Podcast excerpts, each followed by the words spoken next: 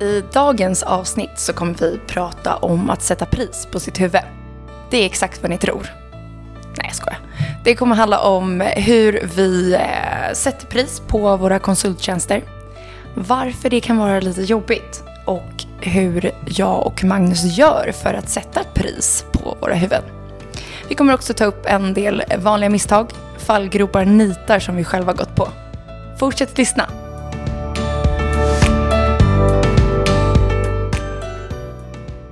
Välkomna till ett nytt avsnitt av podcasten Konsultsnack. Med mig, Rodi Wollner. Och med mig, Magnus Eke. Det här avsnittet heter Att sätta pris på sitt huvud. Eh, och det är någonting som vi egna konsulter gör ganska ofta. Jag ännu oftare än Magnus. I dagens avsnitt kommer vi prata om varför eh, det är ganska jobbigt eh, ibland att sätta pris på sitt eget huvud. Eh, hur vi gör när vi sätter pris på vårt huvud. Och vi kommer även prata eh, en del om vanliga misstag. Och eh, ja, men nitar, fallgropar som, som vi själva gått på och som vi gärna ser att andra kanske kan i bästa fall undvika. Mm. Ja, men att vi kan hjälpa kanske nykläckta konsulter att slippa gå i samma fallgropar som vi själva har gått till. Ja, verkligen. -huh. Och särskilt eftersom jag har ju insett nu att jag har gjort det här ändå i två år. Det blir en hel del pris, prissättningar på sitt huvud. Jag kan lika gärna låt, låta andra bli, slippa bli skalperade. ja, hur då? ja. Det var schysst. ja, det är superschysst. Ska vi, ska vi hoppa in på någon fråga redan nu, eller hur känner du där? Ja, jag fick faktiskt en fråga förut om just det här. En person som tyckte att det var väldigt jobbigt att, att sätta pris på sig själv. För att man någonstans ändå, det blir som att man, ja, är det här mitt egenvärde då? Är det här, är det jag som är värd någonting i och med de här summorna som står på, på en offert till exempel? Och jag tyckte nog att det var, eller där får du inflika, men vi pratade ju jättemycket i början om just det där med äm, siffrorna på pappret. Vad det ska grunda sig på och vad det är. För jag tror att är man inte mm, i konsultvärlden alls så kan ju de siffrorna ses som lite så här hittepå och lite, ja men vad 17 står de för då? Man kan ju säga att det är en ny typ av prissättningsmodell för den som inte har varit konsult tidigare. Så allt som oftast så är det ju att man betalar per timme. Alltså kunderna mm. betalar per timme. Och då liksom att sätta ett pris utifrån tjänsten som, som gäller, någon typ av timtariff då. Den, alltså har man inte gjort det tidigare så kanske det är lite svårt för en, en nykläckt eh, egen konsult då att, att liksom översätta det i så här, hur mycket pengar är det till mig? Mm. Ja, hur går, hur går den lilla ekvationen ihop där och, och vem får vad liksom? Men där tycker jag att vi för en gång känner jag att jag för en gångs skull vill klappa mig själv på bröstet. Därför att jag har ändå gjort det många gånger. Ja, du har fått träna mycket där. Jag har fått träna mycket på det. Eh, på gott och ont. Men också, det gör ju att jag, ja, men jag har ju fått träna på det. Mm. Och varför inte dela med sig av det man har liksom ändå kommit fram till och som någonstans nu mycket mer sitter i ryggmärgen. Mm. Skulle någon försöka klämma ur mig ett pris snabbt, ja men då kan jag nog, jag vet ungefär. Men som, som för det var ju någon som hade ställt den frågan till dig också. Ja. Kan det ha varit Therese som skrev? Jag kan förstå den problematiken som man står inför då. Att, man, att det känns, lite som du var inne på också, att det känns som att man sätter ett värde på sitt eget huvud. Eller egentligen då sätter ett värde på sig själv. Mm. Och ja, ska man säga rent krasst så känns det ju ofta som att man tänker att det här är en hög peng. Eller liksom, ja. Eh, det här är mycket pengar, är jag värd så här mycket? Kommer kunden tycka att jag är värd det? Mm. Kommer kunden tycka att jag levererar utifrån den prissättningen som gäller? Alltså så, jag tror att många ställs inför den känslan själv. Och ja. så här, alltså, ja, jag kan bara benchmarka lite grann mm. med vad jag har kostat i min korta karriär. Bara så att man vet ungefär vilka ja. priser vi pratar om. Och vi kan ju säga också att rent tekniskt så pratar vi ju X moms. Alltså vi, ja. vi, inkluderar, vi inkluderar ju inga momsbelopp i de här. Det är ju också en ny, eh, en, en annan grej att tänka på, men mm. som man lär sig snabbt. Mm. Ja, vi alltså, snackar ju och, alltid X-moms. Ja, och anledningen till det är ju att det är inte pengar man själv får, utan nej. det är staten som ska ha de pengarna. Ja. um, så. Men eh, nej, jag har kostat uh, allt mellan 600 i timmen och upp till 1400 kronor i timmen. Mm. Och det jag vill ha sagt med det egentligen, det är att jag är ju fortfarande relativt ung och har uppenbarligen eh, haft ett ganska stort spann då, mm. sett till min timtariff. Men med det sagt också så har jag varit både anställd konsult och nu egen konsult. Mm. Men där någonstans har jag ju legat då. Och ja, som en benchmark. Jag, vet inte. jag vill Men där kan man ju också lägga till eh, en, ändå en skillnad som blir mellan dig och mig. är ju att eh, du jobbar ju ofta ja, som en heltidsperson. Mm. Lite som vi har nämnt tidigare, du går ju in och tar en, mm. en hel roll, en arbetsroll, kan man mm. säga det? Ja, absolut. Och jag gör ju mer specifika punktinsatser. Eh, så det, kan ju också, det är också jätteviktigt att, att komma ihåg eh, att pris också beror på hur många timmar man kan lägga på någonting och på vilket sätt man ska prestera under de timmarna. Mm. Är du med på vad jag menar? Absolut. Mm. Och jag tror lyssnarna förstår också vad du menar. jag hoppas det. Nej, men ditt jobb kan ju rulla på på ett annat sätt. Mm. Eh, Medan mitt jobb ska vara extremt, det ska vara top notch hela tiden. Mm. Jag, jag, sitter inte och, och överpillar med något. Nej, alltså man kan ju säga så här, jag är ju ute hos kund. Så jag får ju, ja men jag fakturerar ju för alla timmar jag är på mm. plats. Du fakturerar för alla timmar du lägger tid på kunden och värdebyggande ja. arbete. Vi var inne på det tidigare, så du har ju eh, vad ska man säga, du ligger ju högre lite i timtariff av den anledningen. Jag får betalt när jag är på toa, det får inte ja, du. exakt. Och då, då blir ju våra timtariffer eh, olika. Mm. Eh, därför att jag måste någonstans där få in, få in mitt toabesök. Mm. Det är ett bra exempel. ja. men, men får jag lägga en liten, en, så här, bara som någon typ av grund så att jag tror att alla kan förstå och tänker kring när vi, när vi pratar priser så här. Då är det ju att det finns ju olika sätt att sätta priser, även Alltså både produkter och tjänster. Och det här är, ju tjänster vi pratar om här, mm. då, men det gäller väl detsamma även för produkter. Då. Det går ju dels bara att om man ja, är lite ostrategisk, men också på det sätt som ganska många gör det idag, det är att de utgår ifrån ungefär vad det kostar, eh, vad de har för kostnader för bolaget. Och sen så lägger de på ett liten, en liten schablonsumma eh, på det, eller procent. Och, och, lägg, och, och, lägger sig i, det, i den priskategorin och tänker mm. väl att det kommer innebära att de får in väldigt mycket affärer och ja, jag vet inte, tänker att de kanske kan på kvantitet sälja mycket och därmed bli mm liksom, framgångsrika. Det är ju inte en kostnads eller en prissättningsmodell som är att föredra. Utan man föredrar ju hellre att sätta någon typ av marknadsbaserat pris. Mm. Och då finns det ju dels marknadsbaserade priser utifrån att man gör någon typ av kundundersökning och tar reda på vad är kunden villig att betala för det här tjänsten eller produkten. Och ja, hur man nu kommer fram till den prispengen så sätter man det priset som gäller där. Och det blir lite mer av en värdebaserad prissättning. Och sen en tredje ett tredje sätt att sätta pris som har kommit till ganska nyligen ändå får man ju säga, som egentligen inte har med konsultverksamhet att göra, men som ändå kan vara värt att tänka på. Det är ju alltså realtids eh, marknadsmässig prissättning. Mm. Eh, och det är ju, ja, rent konkret, till exempel Uber. Mm. Att du sätter en, ett pris utifrån vad som gäller precis där och då i realtid. Liksom. Snarare än den statiska marknadsmässiga så, så den, den grunden finns ju där. Mm. Och vi söker ju oss såklart mot en statisk marknadsmässig eh, prissättning. Så. Vi försöker hitta en nivå där vi märker att kunden är villig att betala för det här och såklart att vi också själva vill vet med oss att vi kan leverera på den pristariffen som gäller. Det är väl någonstans det vi strävar mot. Och då blir nog kanske kunden nöjd också. Nu pladdrar jag på här. Ja, men det är bra. Jag är min vana trogen. Så eh, Nej men sådär. Och, och jag menar, levererar vi ett bra värde, det är väldigt dumt att sälja sig short. Ja. Alltså, i, om vi rent krasst har levererat ett värde för ett bolag till 100 miljoners värde mm. och så har vi fakturerat en miljon. Även fast vi får in en miljon, vilket är väldigt mycket pengar, så är det fortfarande troligtvis någonstans på vägen har det blivit fel just i prissättningen. Ja.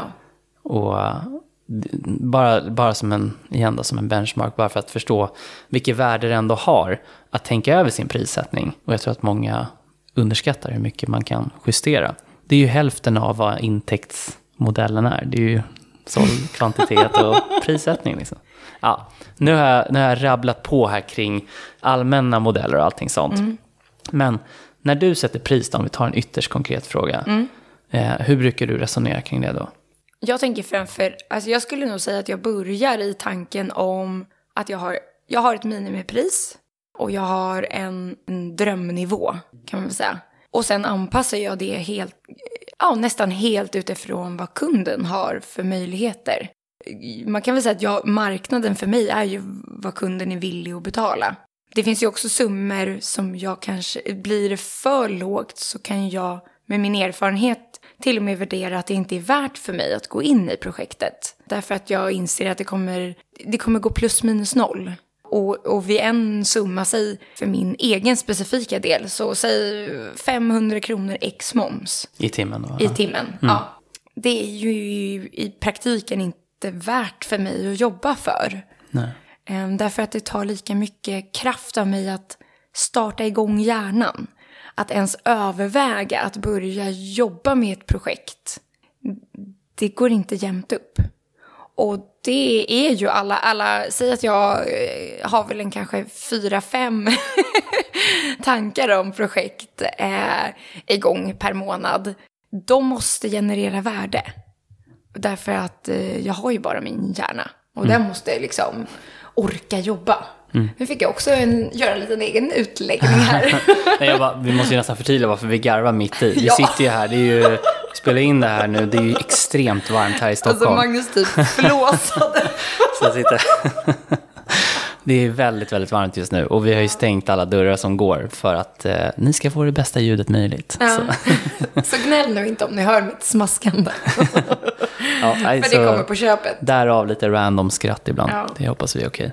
Men man kan ju säga ytterst konkret så, så en del är att jag vet vad det är inte jag vet när det inte är värt för mig att, att ta ett uppdrag eller gå med på en, en viss summa som är för låg.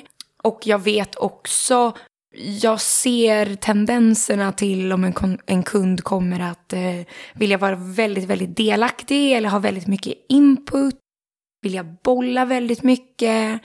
Ja, men det, rent allmänt vara väldigt delaktig i processen. Det gör ju att projektet kommer ta mycket mer kraft och tid av mig. Och då måste jag ta ett högre pris. Eller jag måste se till att min tid, att jag kan ta betalt för min tid. För det är ju verkligen allt man har. Mm. Eh, och tiden i form av liksom, ja, järnjobb. Så där blir det ju extremt konkret för mig att jag måste kunna ta betalt för det som jag bidrar med. Mm. Ja, allmänt, visst tar man alltid betalt för all tid man lägger ner? Givet att man har kommit överens med kund om mm. liksom, vilka ramar som gäller. Där kan det faktiskt eh, bli lite olika för mig. För att säga att jag att vi har hittat eh, en överenskommelse där jag har en ganska hög timtariff. Då kan jag vara mer benägen att göra lite små saker vid sidan av. Kanske att jag tillåter mig själv att pilla lite extra med en grej. Säger mm. emot det jag sa från början. Nej, men, och det du är inne på nu, det är ju att du skapar något. Ja, exakt. Ja, men säg att jag gör, utformar en all design på en hemsida. Då kanske jag sitter där och tuggar på mitt litet, litet problem. Men jag låter inte kunden betala för det. Nej. För att jag vet att min timtariff, den är lagom och jag är nöjd. Men har jag en, liksom en låg timtariff och det ska tugga på, ja men då måste det där tugget in också. Men jag jobbar också snabbt så att det, ja. det brukar lösa sig. Ja. Har vi några fler frågor? Eller? Ja. Det är ju faktiskt väldigt intressant att höra om lite, ja, lite misstag, lite fallgropar. När har det gått eh, åt pipan, Magnus? När har det gått åt pipan? Och då i, inom ramen av vad prissättning är ja, ja, ja. Alla andra misstag kan vi ta i en annan podd. Får man säga när jag, an, när jag tog anställning? det är ju låg prissättning i att... Ja, ja det fast där fick du ju ändå... Alltså, att vara anställd konsult det gör väl också, säger jag då, att, att man kan testa vingarna på ett jäkla bra sätt ändå. Mm. Mm. Alltså man får, man får tugga mycket och det är inte alls samma krav på en som om man, om man sköter skutan själv. Nej, så är det Nej, jag... Ehm, nej, men pris... Jag vet inte. Jag, jag har ju egentligen bara haft ett uppdrag än så länge som egen konsult. Mm. Och mitt resonemang där var väl lite grann att jag ville, jag, man ville vara helt säker på att man hittade ett uppdrag ja. ganska omgående. Liksom, för jag hade ändå sagt upp mig och jag hade bra kontakt med många sådana här sourcingbolag som vi har pratat om tidigare. Så då, jag vet inte, jag tror att jag låg i underkant med rent prismässigt mm. mot vad jag kanske kommer ligga framöver. Utan att säga vilket pris jag hade. Så, ja, för kundens skull då alltså. Ja, exakt. Så, men nej, alltså, jag har inte varit i den sitsen så mycket. Mina uppdrag är ju som sagt mycket längre än dina. Mm. Så det, jag har inte varit i en prisdiskussion lika många gånger som du har varit. Och min take på det lite grann, det är väl lite så här, för mina uppdrag som sagt är ganska långa. Jag kan ju liksom motsvarande signas upp på sex månader. Och om man säger sex månader, det kanske inte låter så mycket som en anställning. Men om man säger att sex månader motsvarar ungefär tusen arbetstimmar. Mm. Det är ganska mycket för en konsult. Ja. Om man säger så. Um, så um, utifrån det perspektivet, om jag vet med mig att så här, ja, men sex månader, det är det jag kommer vara där. Och det passar mig bra i tiden, jag kanske har planerat någon resa efter det eller vad mm. vet jag. Då kanske, då kanske jag är villig att, att ha lite lägre tariff utifrån den, det perspektivet också. Mm. Ja, och, och, om, det, om det är logiskt på det sättet. Alltså om det passar bra tidsmässigt för min planering ja. av året. Typ. um, plus att igen, tusen timmar är ganska mycket. Så, um, ja. Men å andra sidan, då, nu säger jag emot mig själv lite grann också. ja, men det kommer vi göra. Det kommer vi alltid nej, men, göra. Nej, men, ja, exakt. det är bara vänja sig. Ja, det är väl ett resonemang kring det. För jag tänker så här, då om något är det väl väldigt viktigt för mig att prata pris på ett sätt. Då, mm. Just av anledningen att det är 50 procent av vad intäktskalkylen är ja. för någonting. Att det är kvantitet och det är pris eh, per kvantitet. Liksom, så att mm. säga. Ett tips jag verkligen skulle vilja skicka med som jag... För jag tror att jag lite fram till nu har liksom kört på. Mm. Jag, är, jag är glad i allt och jag, jag jobbar gärna. Mm. Men ett tips där är ju faktiskt att kolla med andra som gör ungefär ja, men gör liknande grejer som en själv. Mm. Eh, och jag har faktiskt märkt där att, att andra som gör liknande grejer som jag själv, de, de tar mer betalt. Då bara, men vad Så att jag, jag behövde växa lite där och kanske när man väl slutar bara vara glad för att jobba mm. eh, och man tycker att man säger oj, oj, oj, men jag ligger ju liksom högt i vissa fall. Men börjar man jämföra sig med andra så får man ju lite mer perspektiv. Och som du var inne på i början där, inser vad ens jobb är värt. För att man själv tuggar på lite för att det är kul. Det är riktigt kul. Men man kan, man kan få reda på mycket genom att kolla av. Och sen tänker jag en annan nit som jag kanske gör är att, och som jag har blivit otroligt mycket bättre på, är ju att vara väldigt tydlig med kunden hur man ligger till. Ja, men när det kommer till timmar till exempel eller hur långt man har kommit i ett jobb. Man kan tycka att det känns nästan överflödigt men min erfarenhet är att ju bättre och oftare man kommunicerar status med kund, desto lugnare och gladare kund har man. Mm, det tror jag också. Alltså i ditt mm. fall särskilt då, i och med att om du skapar någonting för kundens räkning mm. och du är inte på plats Nej, exakt. hos dem. Ja, de ser ju inte mig. Nej, exakt. Så ja, verkligen, då blir det ännu viktigare mm. att kunna köra liksom en statusavstämning. Ja. Det tror jag helt klart. Och då kan det vara lättare att själv känna också att man är värd sitt pris. Mm. Därför att man har återkopplat och man har eh, på något sätt förklarat vad man levererar löpande.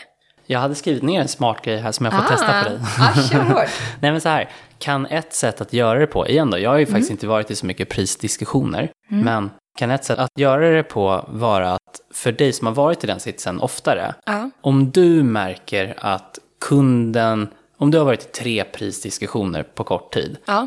Och du märker att kunden har sagt ja omgående på dina förslag, i tre ja. av tre fall. Ja. Kan man tolka det som att du kanske behöver tänka till ytterligare kring prismodellen? Kanske. Mm. Alltså kan det vara en anledning? Jag säger inte att det måste vara så. Det, det kan ju vara att det bara, ja, allting verkar perfekt och så. Men förstår du vad jag menar lite ja. grann? Om någon tar ett sjukt snabbt beslut, så här, henne ska vi ha.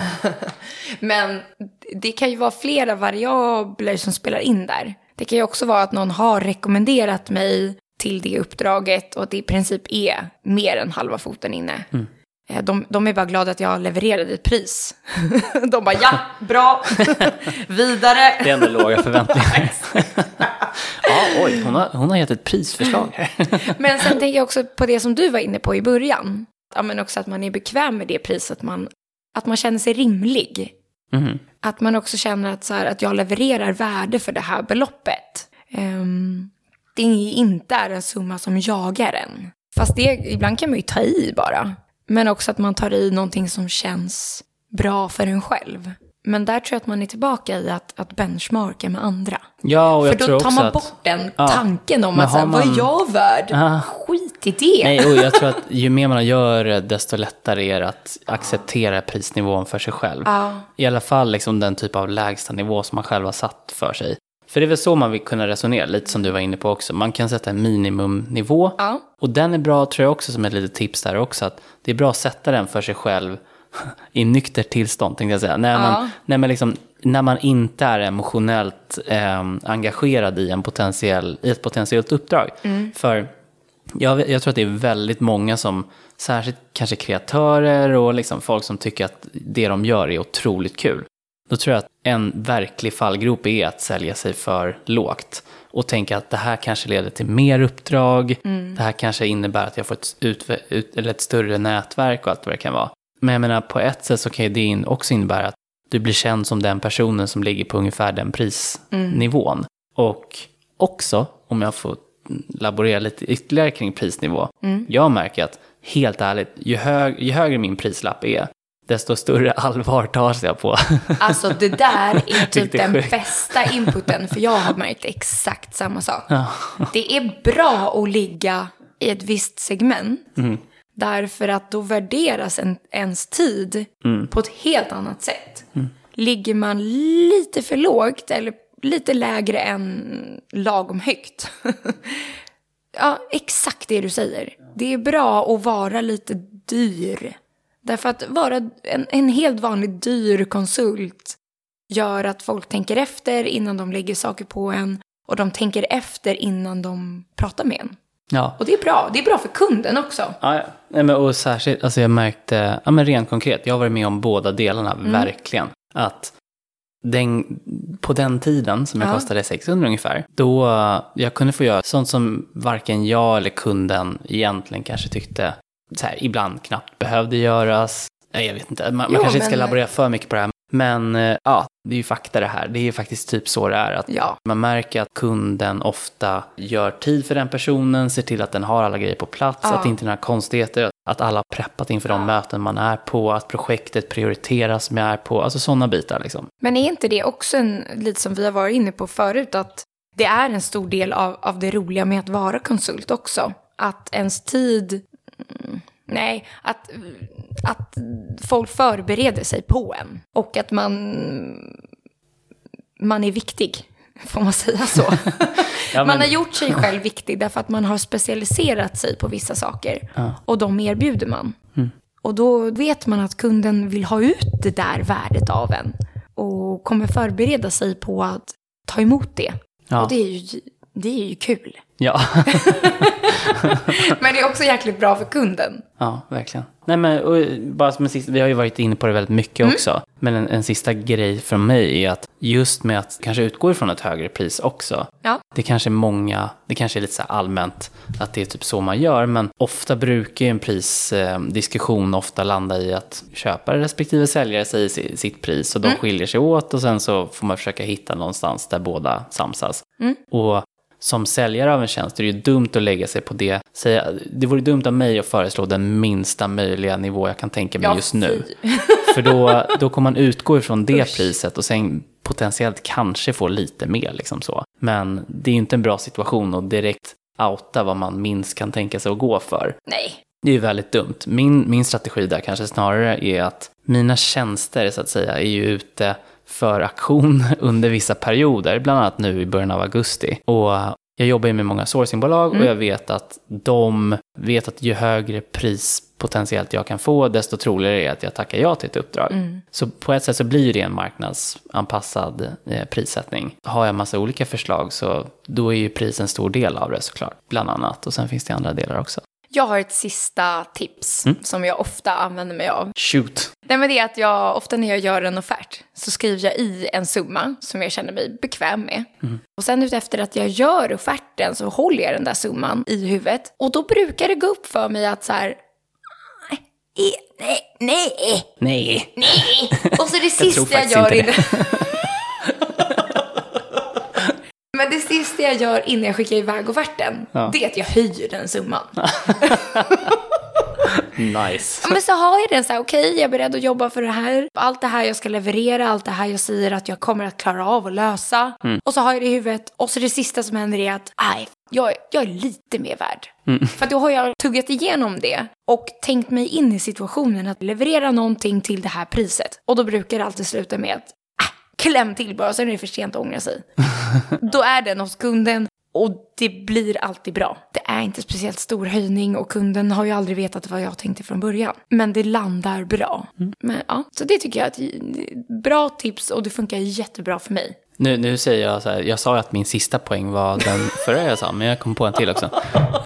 Nej men väldigt viktigt att bara tänka så här, vilken situation är kunden i? Ja. Alltså, behöver, och, för den delen också, det som jag potentiellt gör för kunden. Är det typ två andra i hela Sverige som kan det här, då är det rimligt att sätta ett ganska ja, högt pris. Så brukar jag också tänka. Nej, men är du med? Nej, men så betalningsförmåga hos kund och ja. vad man själv utför för kund och vilket värde det innebär. Liksom. Men det handlar ju ofta om att mötas där. Mm. Och det är väl kanske de mötena jag gör ofta. Jag är van vid att liksom closa. Closa. Mm. och med de orden så closar vi podden. ja, nej ja. men eh, cool. Känner vi oss nöjda där? Ja, det gör vi. Ja. Underbart. Jag hoppas att ni också är nöjda. Och att eh, är ni inte det så kommentera gärna hatgubbar. ja, var arg i kommentarsfältet.